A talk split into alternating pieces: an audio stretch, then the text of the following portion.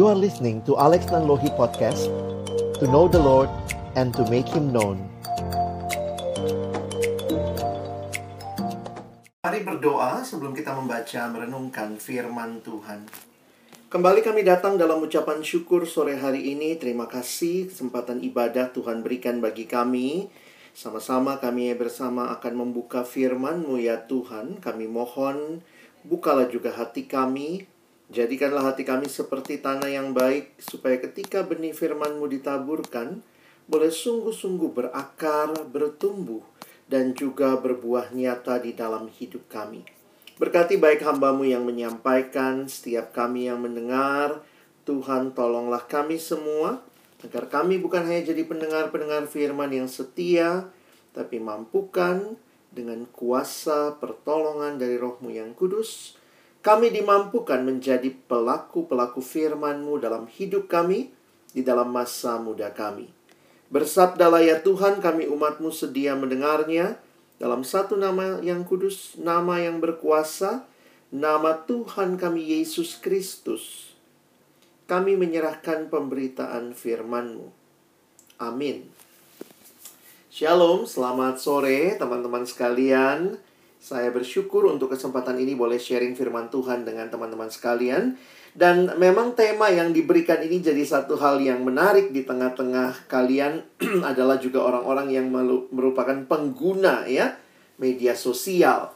Jadi uh, kita akan sama-sama melihat um, bersosial media sesuai dengan Alkitab di tengah-tengah kondisi dunia yang saya harus katakan sedang terus di dalam berbagai perubahan dan kemajuan yang ada saya ingin ajak nanti teman-teman melihat ada bagian yang lebih uh, bersifat uh, prinsip firman Tuhan di bagian awal dan nanti di bagian akhir saya akan coba share lebih uh, aplikatif berkaitan dengan media sosial.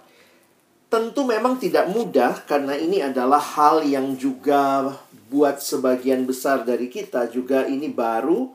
Dalam arti kalau kita perhatikan ada nggak sih tentang Eh, media sosial di Alkitab? Ya jelas nggak ada gitu ya. Di zamannya Alkitab belum ada media sosial. Tetapi prinsip-prinsip yang ada di dalam Alkitab saya pikir itu harusnya menerangi perjalanan kita dengan media sosial bahkan juga dengan semua teknologi yang ada dan masih akan ada selama kita hidup dalam dunia ini. Saya melihat juga e, bicara tentang teknologi. Kalian kalau bicara tentang teknologi, saya pikir dokter gigi juga bisa lihat ya bagaimana kursi dentis tahun 60-an, kursi dentis tahun 70-an, sampai sekarang tahun 2000-an, pasti beda banget ya. Ada teknologi yang makin canggih dan saya suka dengan istilah atau uh, definisi teknologi ini uh, technology as being an extension of the human body. Jadi sebenarnya manusia menciptakan teknologi sebagai perpanjangan dari tubuh manusia. Contohnya kacamata. Ini kan juga teknologi sebenarnya kacamata perpanjangan dari dari mata begitu ya. Cangkul, wah itu perpanjangan dari tangan gitu ya. Kalau nggak mungkin kan tangan gali-gali pasir terus begitu ya. Jadi Makanya kalau teman-teman nanti memperhatikan apa pun teknologinya, kalian harus bisa lihat apa yang menjadi bagian dari tubuh kita yang diproyeksikan melalui teknologi itu. Kenapa? Karena saya pikir nanti prinsip-prinsipnya banyak juga terkait dengan hal itu. Termasuk waktu kita bicara media sosial, yang diproyeksikan sekarang dari tubuh manusia bukan hanya indera-indera utama, tetapi bahkan perasaan ya. Kemudian nanti misalnya coba berikan emoticon ya. Itu kan semua sebenarnya berusaha untuk menyampaikan berbagai hal tentang tubuh bahkan membaca perasaan manusia dan seterusnya. Dan di tengah-tengah situasi pandemi ini, di mana kita mau tidak mau ya harus menggunakan teknologi untuk belajar misalnya, untuk melakukan banyak hal dari rumah. Saya pikir juga akselerasi terhadap penggunaan teknologi dan segala hal termasuk sosial media menjadi sangat-sangat meningkat. Ya, lalu bagaimana kita menghayati akan hal ini? Apa yang Alkitab berikan sebagai prinsip? Abang ingin aja kita melihat ayat yang sudah sangat terkenal yaitu Matius 5 13 sampai 16. Ini adalah tentang garam dunia dan terang dunia. Mari lihat ayatnya sama-sama. Saya sudah tuliskan semua ayatnya di depan, jadi teman-teman tinggal mengikuti. Kamu adalah garam dunia. Jika garam itu menjadi tawar, dengan apakah ia diasinkan? Tidak ada lagi gunanya selain dibuang dan diinjak orang. Kamu adalah terang dunia. Kota yang terletak di atas gunung tidak mungkin tersembunyi. Lagi pula orang tidak menyalakan pelita lalu meletakkannya di bawah gantang melainkan di atas kaki dian sehingga menerangi semua orang di dalam rumah itu. Demikianlah hendaknya terangmu bercahaya di depan orang supaya mereka melihat perbuatanmu yang baik dan memuliakan Bapamu yang di sorga. Teman-teman yang dikasihi dalam Tuhan Yesus Kristus, saya ingin mengajak kita merefleksikan penggunaan sosial media terkait dengan identitas kita sebagai murid-murid Tuhan yang di dalam ayat-ayat ini Yesus katakan, "Kamu adalah garam dunia, kamu adalah terang dunia." Dari dulu kita tahu ya, saya pikir Tuhan Yesus tuh ilustrasinya sederhana-sederhana ya. Tuhan Yesus tuh anak desa soalnya ya, beda sama Paulus. Paulus kayaknya anak kota, ilustrasinya petinju lah, pelari, dia mungkin nonton olimpiade waktu itu ya. Kalau Yesus itu ilustrasinya burung pipit gitu ya. Garam, terang, semua rumah tangga pasti punya dua komoditi ini. Garam dan terang rumah tangga yang paling miskin pun pasti punya akses terhadap garam dan terang. Jadi, kalau kalian perhatikan, Menarik sekali Tuhan Yesus tidak bilang kamu adalah garam. Bukan. Tuhan Yesus tidak bilang kamu adalah terang. Bukan demikian. Kalimatnya perhatikan baik-baik. Kamu adalah garam dunia. Kamu adalah terang dunia. Jadi Tuhan memberikan konteks di mana saudara dan saya harus hadir, yaitu di dunia. Garamnya bukan tinggal di tempat garam, di dalam salt shaker gitu ya, di dalam plastik, bukan. Terangnya pun tidak ditutupi, tetapi garamnya di dalam dunia, terangnya di dalam dunia. Yesus memberikan konteks di mana murid-muridnya harus hadir dan memberi pengaruh. Pada masa itu, fungsi utama garam adalah menghambat pembusukan, belum ada refrigerator, belum ada lemari es. Jadi Tuhan Yesus menggambarkan dunia ini sedang membusuk. Kamu adalah garamnya dunia ini. Dan kemudian dunia ini sedang gelap. Kamu adalah terangnya dunia ini. Jadi saya harap kita tidak salah membaca ya. Karena banyak orang cuma bilang kamu adalah garam dan terang. Bukan, kamu adalah garam dunia ada konteks di mana kita harus hadir. Jadi jangan garam cuma kumpul sama garam jadi gudang garam ya. Kita hadir di dalam dunia.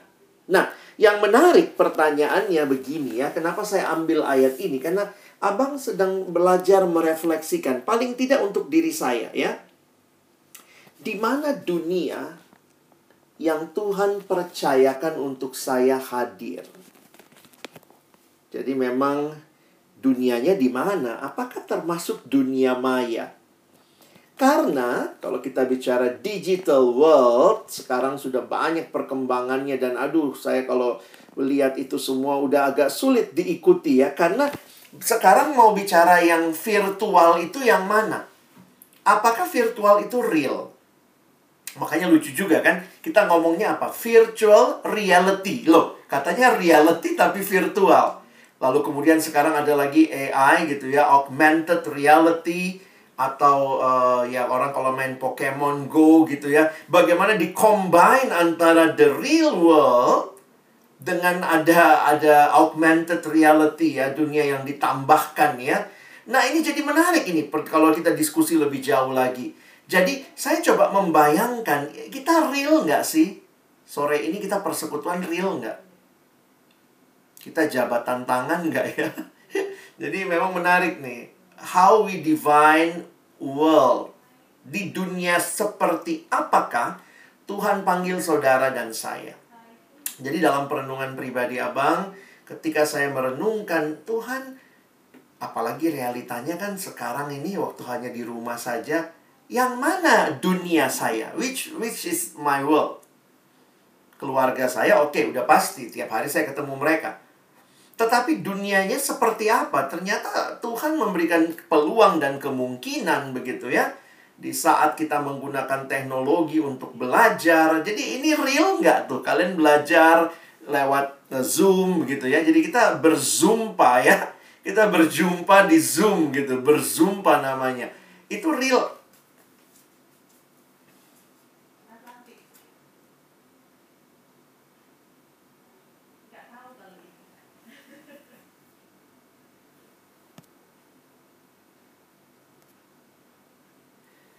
Yang mana real world kita?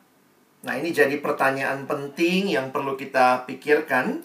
Sehingga di dalam kita melihat dunia ini, toh kita juga banyak melakukan ya ibadah juga virtual begitu ya. Semuanya dilakukan dengan virtual. Ini membuat kita sadar bahwa kita ada dalam sebuah dunia dengan perubahan yang sangat-sangat cepat. Jadi ini pertanyaan bagi bagus juga buat kita ya. Bagaimana following Christ in a social media world? Nah, teman-teman pasti punya media sosial. Nah, saya coba menghayati bagaimana panggilan kita.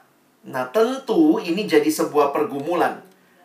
Karena saya melihat kalau sosial media juga menjadi tempat di mana ada anak Tuhan hadir, maka mungkin kita juga mesti berpikir serius bagaimana jadi terang di sana, ya.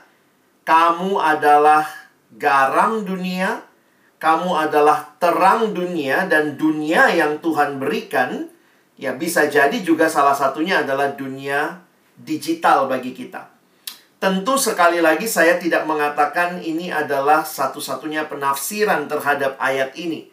Karena saya juga sedang berpikir terus, jangan sampai kita sangat kelihatan eksis di dunia sosial, media sosial, tapi kita bahkan lupa kita hadir di dalam dunia yang real. Jadi memang ini jadi pergumulan banyak teolog sekarang sedang membahas di manakah dunia yang real itu, kira-kira begitu. Nah, tetapi sebagaimana kita katakan tidak ada yang kebetulan dalam dunia ini, saya pikir tidak ada yang kebetulan dari kita yang lahir, termasuk juga tidak kebetulan kenapa teman-teman punya media sosial tentunya. Nah, di sinilah jadi satu uh, apa ya, satu challenge buat kita untuk kita sama-sama bisa lebih serius memikirkan bagaimana menjadi terang. Dan ingat baik-baik, Waktu Yesus bilang, "Kamu adalah terang dunia," jangan lupa di bagian lain ada kalimat ini. Yesus berkata, "Akulah terang dunia." Wah, ini jadi pertanyaan kalau begitu yang terang dunia siapa? Yesus atau kita? Ya, ini jadi menarik, teman-teman. Nah, tapi Abang simpulkan secara sederhana begini. Ingat baik-baik. Kita bukanlah sumber terang itu. Jadi waktu kita dikatakan kamulah terang dunia, ingat kita bukan sumber terangnya. Tetapi kita hadir boleh menyatakan terang di mana Yesuslah sumber terang yang sejati. Dan karena Yesus sumber terang yang sejati itu, hanya ketika engkau dan saya terus berelasi dengan Yesus, barulah kita bisa memancarkan terang itu. Jadi, karena itu, milikilah relasi dengan Tuhan. Ingat baik-baik, we are not called to shine our own light. We are called to reflect His light. Ya, jadi ini bagian penting untuk kita pikirkan bersama-sama. Karena itu hiduplah sebagai anak-anak terang. Nah, jadi teman-teman lihat tanggung jawab yang Tuhan berikan bagi engkau dan saya untuk hadir dan hidup sebagai anak terang. Nah, karena itu di dalam kita menghayati hidup termasuk bermedia sosial, ingat identitasmu ini. Kamu adalah garam, kamu adalah terang dan Tuhan memanggil engkau dan saya untuk hidup di dalam sebuah realitas sebagai anak-anak terang. Perhatikan ayatnya. Ketika kita membaca Efesus pasal 5, perhatikan baik-baik dituliskan, memang dahulu kamu adalah kegelapan, tetapi sekarang kamu adalah terang di dalam Tuhan. Ya. Uh, sebentar, Abang coba masuk pakai yang satu lagi ya. Maafkan sebentar.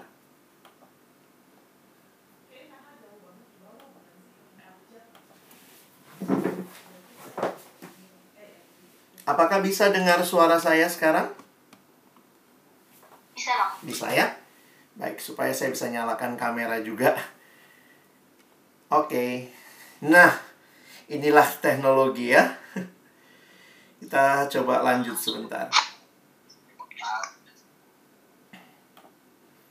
Perhatikan ayat tadi. Paulus berkata kepada jemaat, "Janganlah uh, Memang dahulu, sorry kita mulai dari yang ayat sebelumnya ya. Memang dahulu kamu adalah kegelapan, tetapi sekarang kamu adalah terang di dalam Tuhan. Sebab itu hiduplah sebagai anak-anak terang. Karena terang hanya berbuahkan kebaikan dan keadilan dan kebenaran. Jadi kalau kita nanti diskusi, nah maksudnya gini yo, abang kasih prinsipnya. Ingatlah siapa dirimu. Mau kamu di medsos, mau kamu di dunia real, kamu anak terang. Karena itu terang hanya berbuahkan kebaikan, keadilan, kebenaran. Kalau posting ya mbok ya dicek dulu ini benar atau hoax gitu ya. Ini hoax apa benar. Dan ingat, kita bukan menyebarkan kebohongan. Saya sedih juga melihat ya orang-orang Kristen yang sekarang juga tanpa sadar gampang sekali menyebarkan hal-hal yang tidak tidak benar dan bahkan tidak dicek kebenarannya. Apalagi di dunia uh, virtual sekarang kayaknya begitu gampang orang merespon sesuatu. Jadi kalau ditanya gimana harusnya hidup, nah ini nih, apakah yang kamu sebarkan itu kebaikan, keadilan. Memang banyak hal yang kita harus kaji dengan mendalam. Ada yang tanya sama saya, "Abang, ini situasinya lagi begini. Apakah kita harus meresponi di tengah-tengah keberagaman Indonesia?" Kadang-kadang kita bingung juga ya. Bagaimana nih? Kalau ada perang yang terjadi misalnya Palestina dengan Israel, kita harus memihak yang mana? Kadang-kadang kita kok rasanya kebawa secara agama. Padahal juga Kristen sama Yahudi secara khusus tidak sama ya. Bahkan ada yang bilang jangan lupa loh orang Yahudi itu yang salipin Tuhan Yesus gitu ya. Jadi nggak ada konek-koneknya gimana-gimana banget gitu. Apalagi waktu kita pelajari, ini bukan masalah agama. Ini masalah politik yang mungkin sekali seperti yang terjadi di bangsa kita juga mengatasnamakan agama. Jadi, teman-teman, kalaupun kalian mau ikut berespon, pertanyaan saya sebenarnya sederhana. Kalian kuasai nggak isunya? Kalau tidak kuasai isunya, kalaupun tidak terlalu yakin kamu kuasai isunya, ya jangan terlalu berani atau terlalu cepat memberikan komen. Apalagi kita tahu situasinya, situasi yang tidak mudah. Dan ini perebutan tanah benar, tapi ingat ya, ini perebutan tanah sudah lama gitu ya, ratusan tahun dan ini masalah di mana kita harus bersikap. Jadi bukan masalah begini.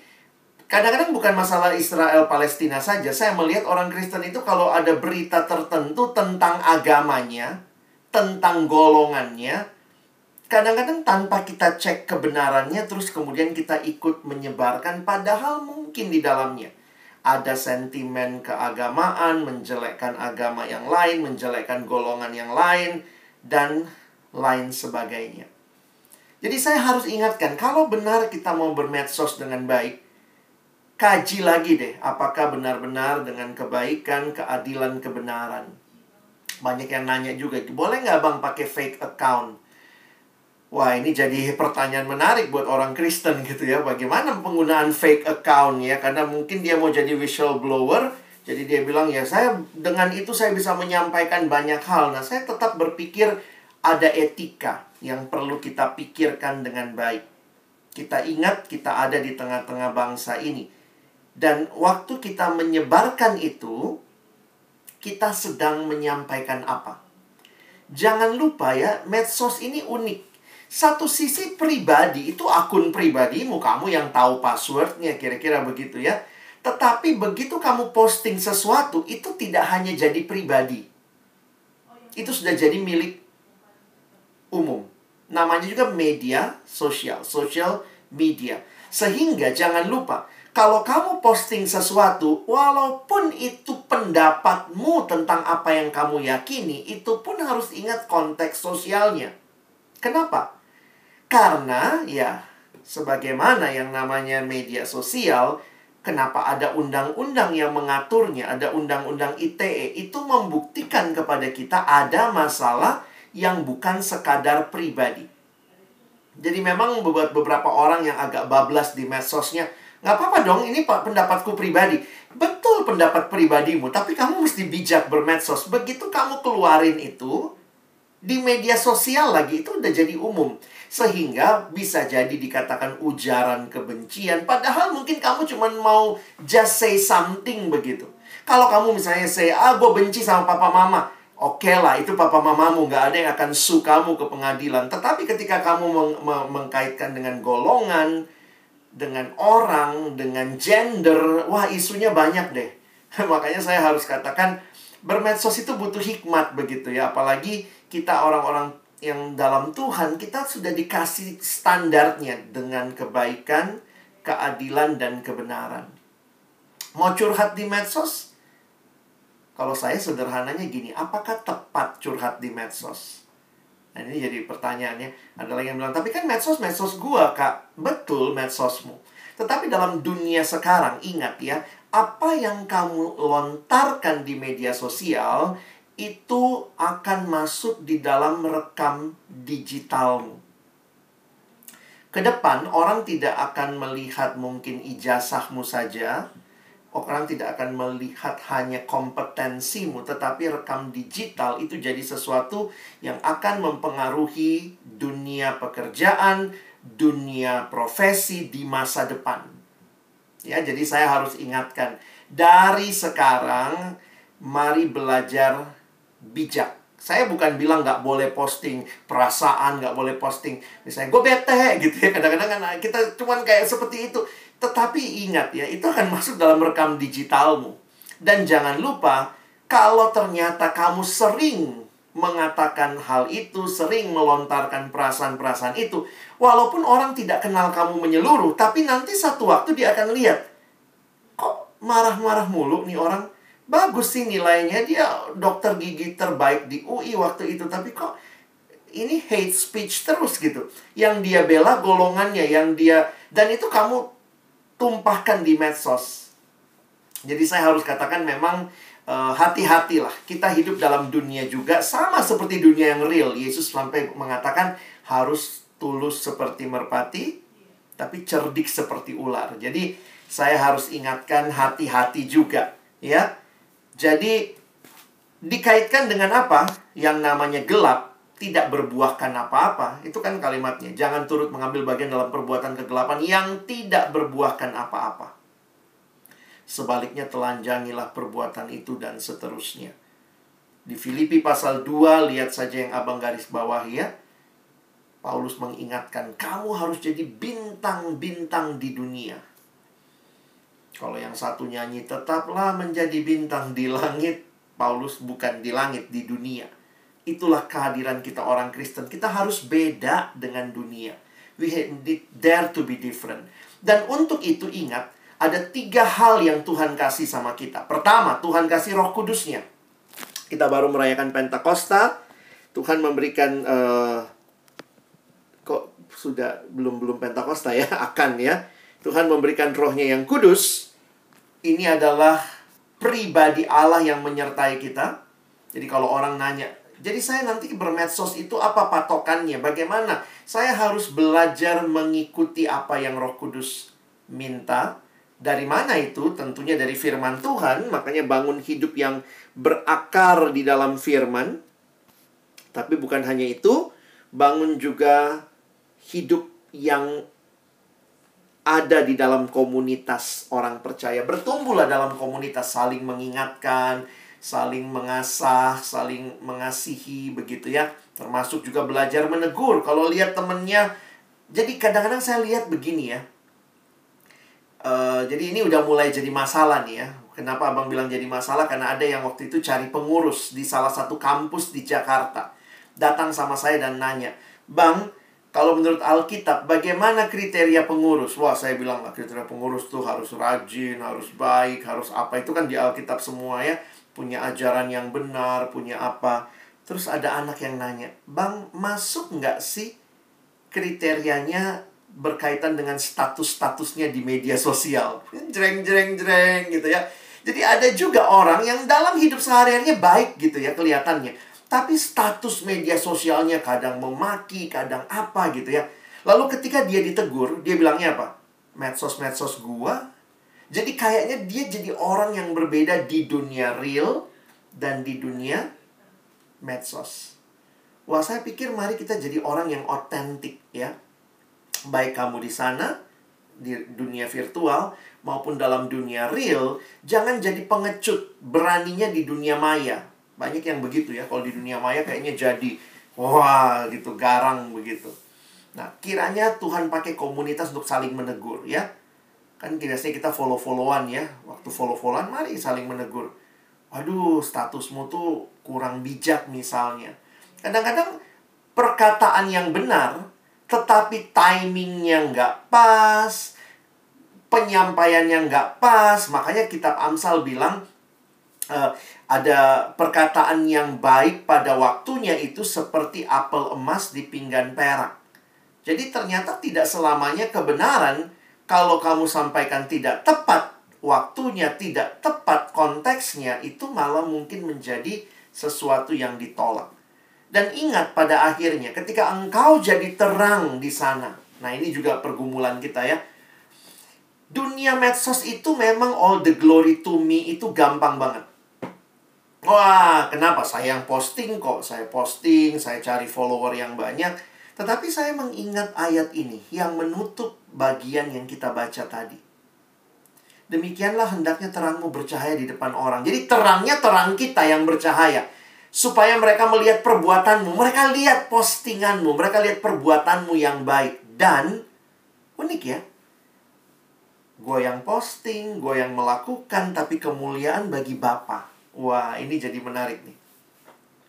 Kalau kamu cuma sekadar posting supaya kamu di di notice orang, orang akhirnya ngelihat kamu dapat pengakuan, kemuliaan diri. Saya pikir mari murnikan motivasi. Kenapa abang bilang mari murnikan? Karena itu mudah banget. Saya nggak bilang kita itu semua pasti bebas dari keinginan memuliakan diri. Kita tuh manusia udah jatuh dalam dosa. Pasti keinginan-keinginan itu ada. Tapi karena itu Tuhan selalu ingatkan, ingat lagi ya, segala kemuliaan bagiku. Termasuk ketika engkau posting dan segala macam, biarlah orang bisa melihat bukan hanya kamunya, tetapi siapa Tuhan yang kamu ikuti. Nah, jadi ini jadi pertanyaan penting bagi kita juga dalam bermedsos ya. Makanya kalau John Stott itu waktu dalam bukunya isu global dia memparafrase dengan kalimat begini. Ya, menarik kalimatnya. Coba perhatikan. Jika daging busuk, jangan salahkan daging. Tapi tanyakan di manakah garamnya. Jika dunia busuk, jangan salahkan dunia.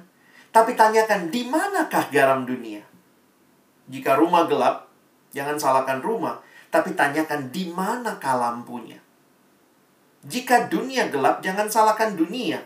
Tapi tanyakan di manakah terang dunia. Kalau garamnya tidak berfungsi, dunianya makin cepat busuk. Karena harusnya kan garam dunia yang menghambat pembusukan. Kalau terangnya ikut meredup, makin cepat gelaplah dunia itu. Saya makin sadar bahwa di dalam dunia digital pun saya meyakini ya. Mungkin dengan bagian kita masing-masing ya. Saya nggak bilang kita punya bagian yang sama. Samalah kayak dalam dunia yang sekarang ya. Kadang-kadang orang bilang, apakah semua kita harus bersuara politik? Ya, nggak juga. Ada yang fokus dokter gigi, ada yang fokus pelayanan ke anak jalanan, ada yang fokus pelayanan ke gereja, ada yang fokus pelayanan ke penjara. Mari kita temukan apa yang menjadi bagian kita. Tapi paling tidak kita sadar gitu ya bahwa kita ada di dalam dunia yang juga termasuk era digital di dalamnya. Kalau kalian lihat yang butuh diterangi juga. Nah, mungkin bagian terakhir Abang ingin kasih beberapa tips aja buat kita ya untuk kita waspadai kita ada dalam dunia yang sedang berevolusi katanya ya. Makin seperti ini evolusinya manusia makin dikaitkan sama teknologi. Kebutuhan terbesar manusia bukan cuma uh, self actualization tetapi juga wifi gitu ya. Itu bahkan kebutuhan yang paling besar begitu. Dan menarik sekali kalau saya selalu ikuti data dari APJII. Asosiasi Pengguna jasa asosiasi penggu, asosiasi pengguna dan jasa internet Indonesia.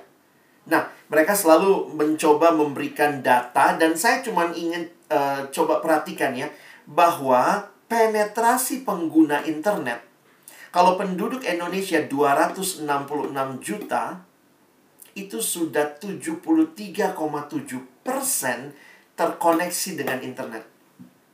Jadi apa yang saya mau katakan, inilah negara kita, orang tuh makin terkonek dengan internet. Dan ketika diteliti, nah ini hasil penelitiannya menarik ya. Yang paling banyak orang Indonesia gunakan internet itu untuk apa? untuk hiburan dan media sosial. Memang untuk pendidikan juga naik, khususnya di masa pandemi. Tetapi secara umum dipakainya buat apa? Buat hiburan dan sosial media. Nah, dari sinilah kita jadi bisa sadar ya. Kalau kita ingat ada berbagai generasi sekarang, kalau kita bicara generasi sekarang kan orang suka ngomong ya generasi ini dan itu, maka kita harus ingat secara sederhana begini. Pemahaman dan pengenalan yang dalam akan generasi menentukan bagaimana melayani mereka. Jadi ini strateginya bagi teman-teman yang juga mungkin mau mengembangkan sosial media termasuk di persekutuan pikirin. Bikin survei kalau perlu. Paling banyak pakai apa sih? Nah, tadi dikatakan ya, Instagram ya. Kalau opung-opung, mbah-mbah atau engkong gitu ya, mungkin ya mentoknya tuh ini ya. Uh, Facebook. WhatsApp. Kalau anak-anak yang muda banyak yang pakai Line. Banyak yang pakai WhatsApp tuh agak kesannya agak tua gitu ya, kurang stikernya gitu. Nah, jadi kita mesti kenal nih.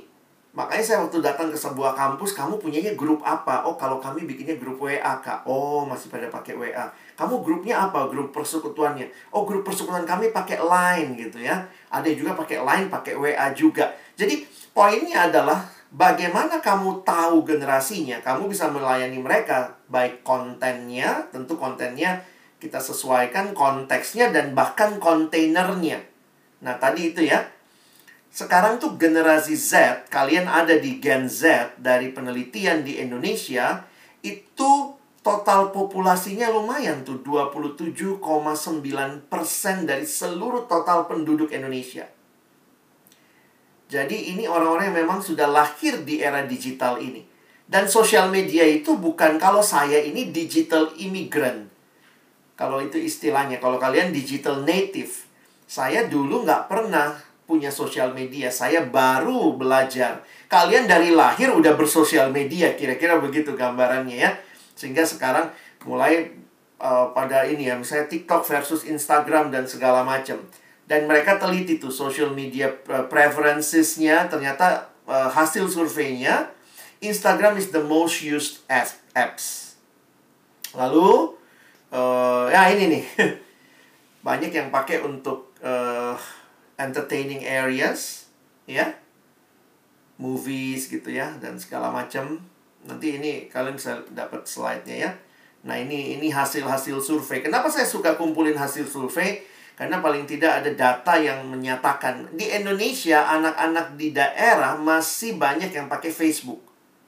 Tapi kalau di kota besar rata-rata Instagram.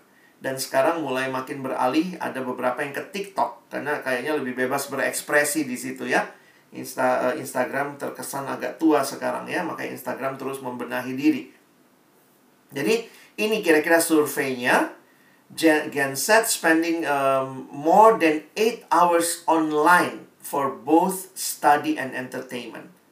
Dan kalian bisa lihat nih, makanya juga beberapa orang dengan podcast sekarang sudah masuk juga jadi pelayanan yang penting. Nah, teman-teman, apa yang uh, Abang ingin sampaikan dari bagian ini bahwa teman-teman harusnya bisa melihat bagaimana kita ada di dalam dunia dan kita bisa mempengaruhi. Dan saya mungkin tutup dengan bagian ini ya. Uh, sebentar. Ada beberapa hal yang saya juga coba pikirkan, mungkin bisa kita pikirkan sama-sama.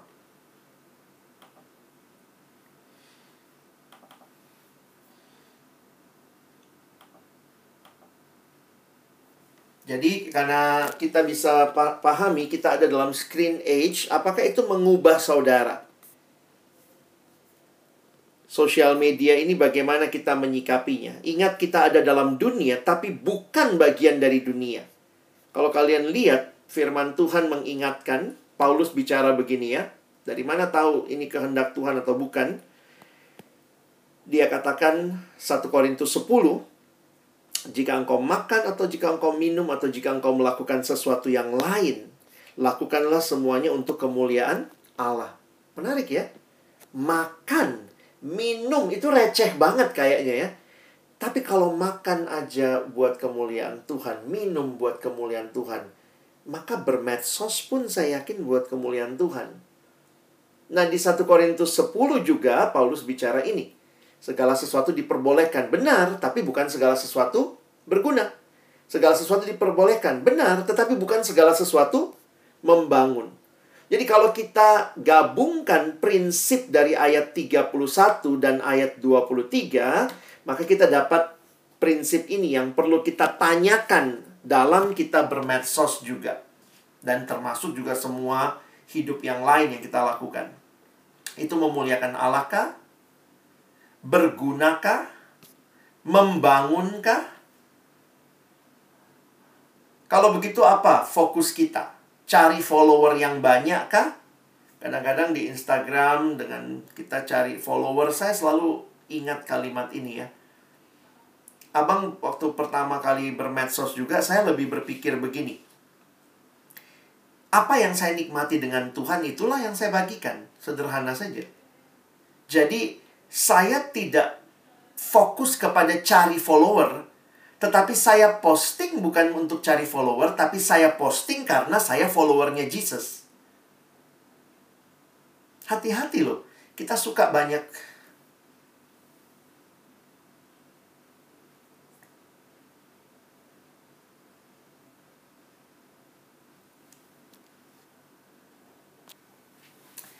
Jadi ingatlah, kalau engkau posting, kamu posting karena apa? Untuk dapat follower, atau sebenarnya kamu posting karena kamu followernya Jesus gitu ya.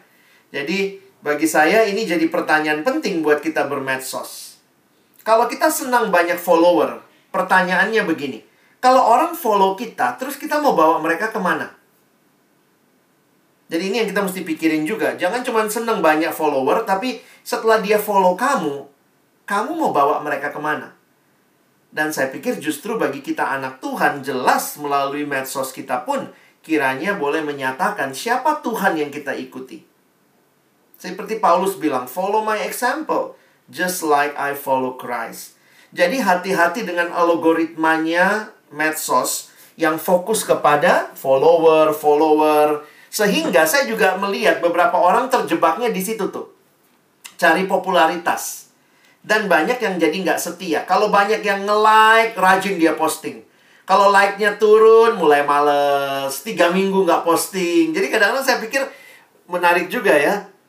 kita posting karena mau apa sebenarnya. Kalau kamu nikmati dengan Tuhan ya you can uh, post uh, anytime begitu ya. Jadi ini masalah popularitas dan kesetiaan.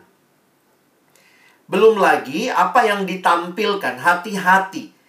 Medsos hanya fokus kepada performance, outside performance.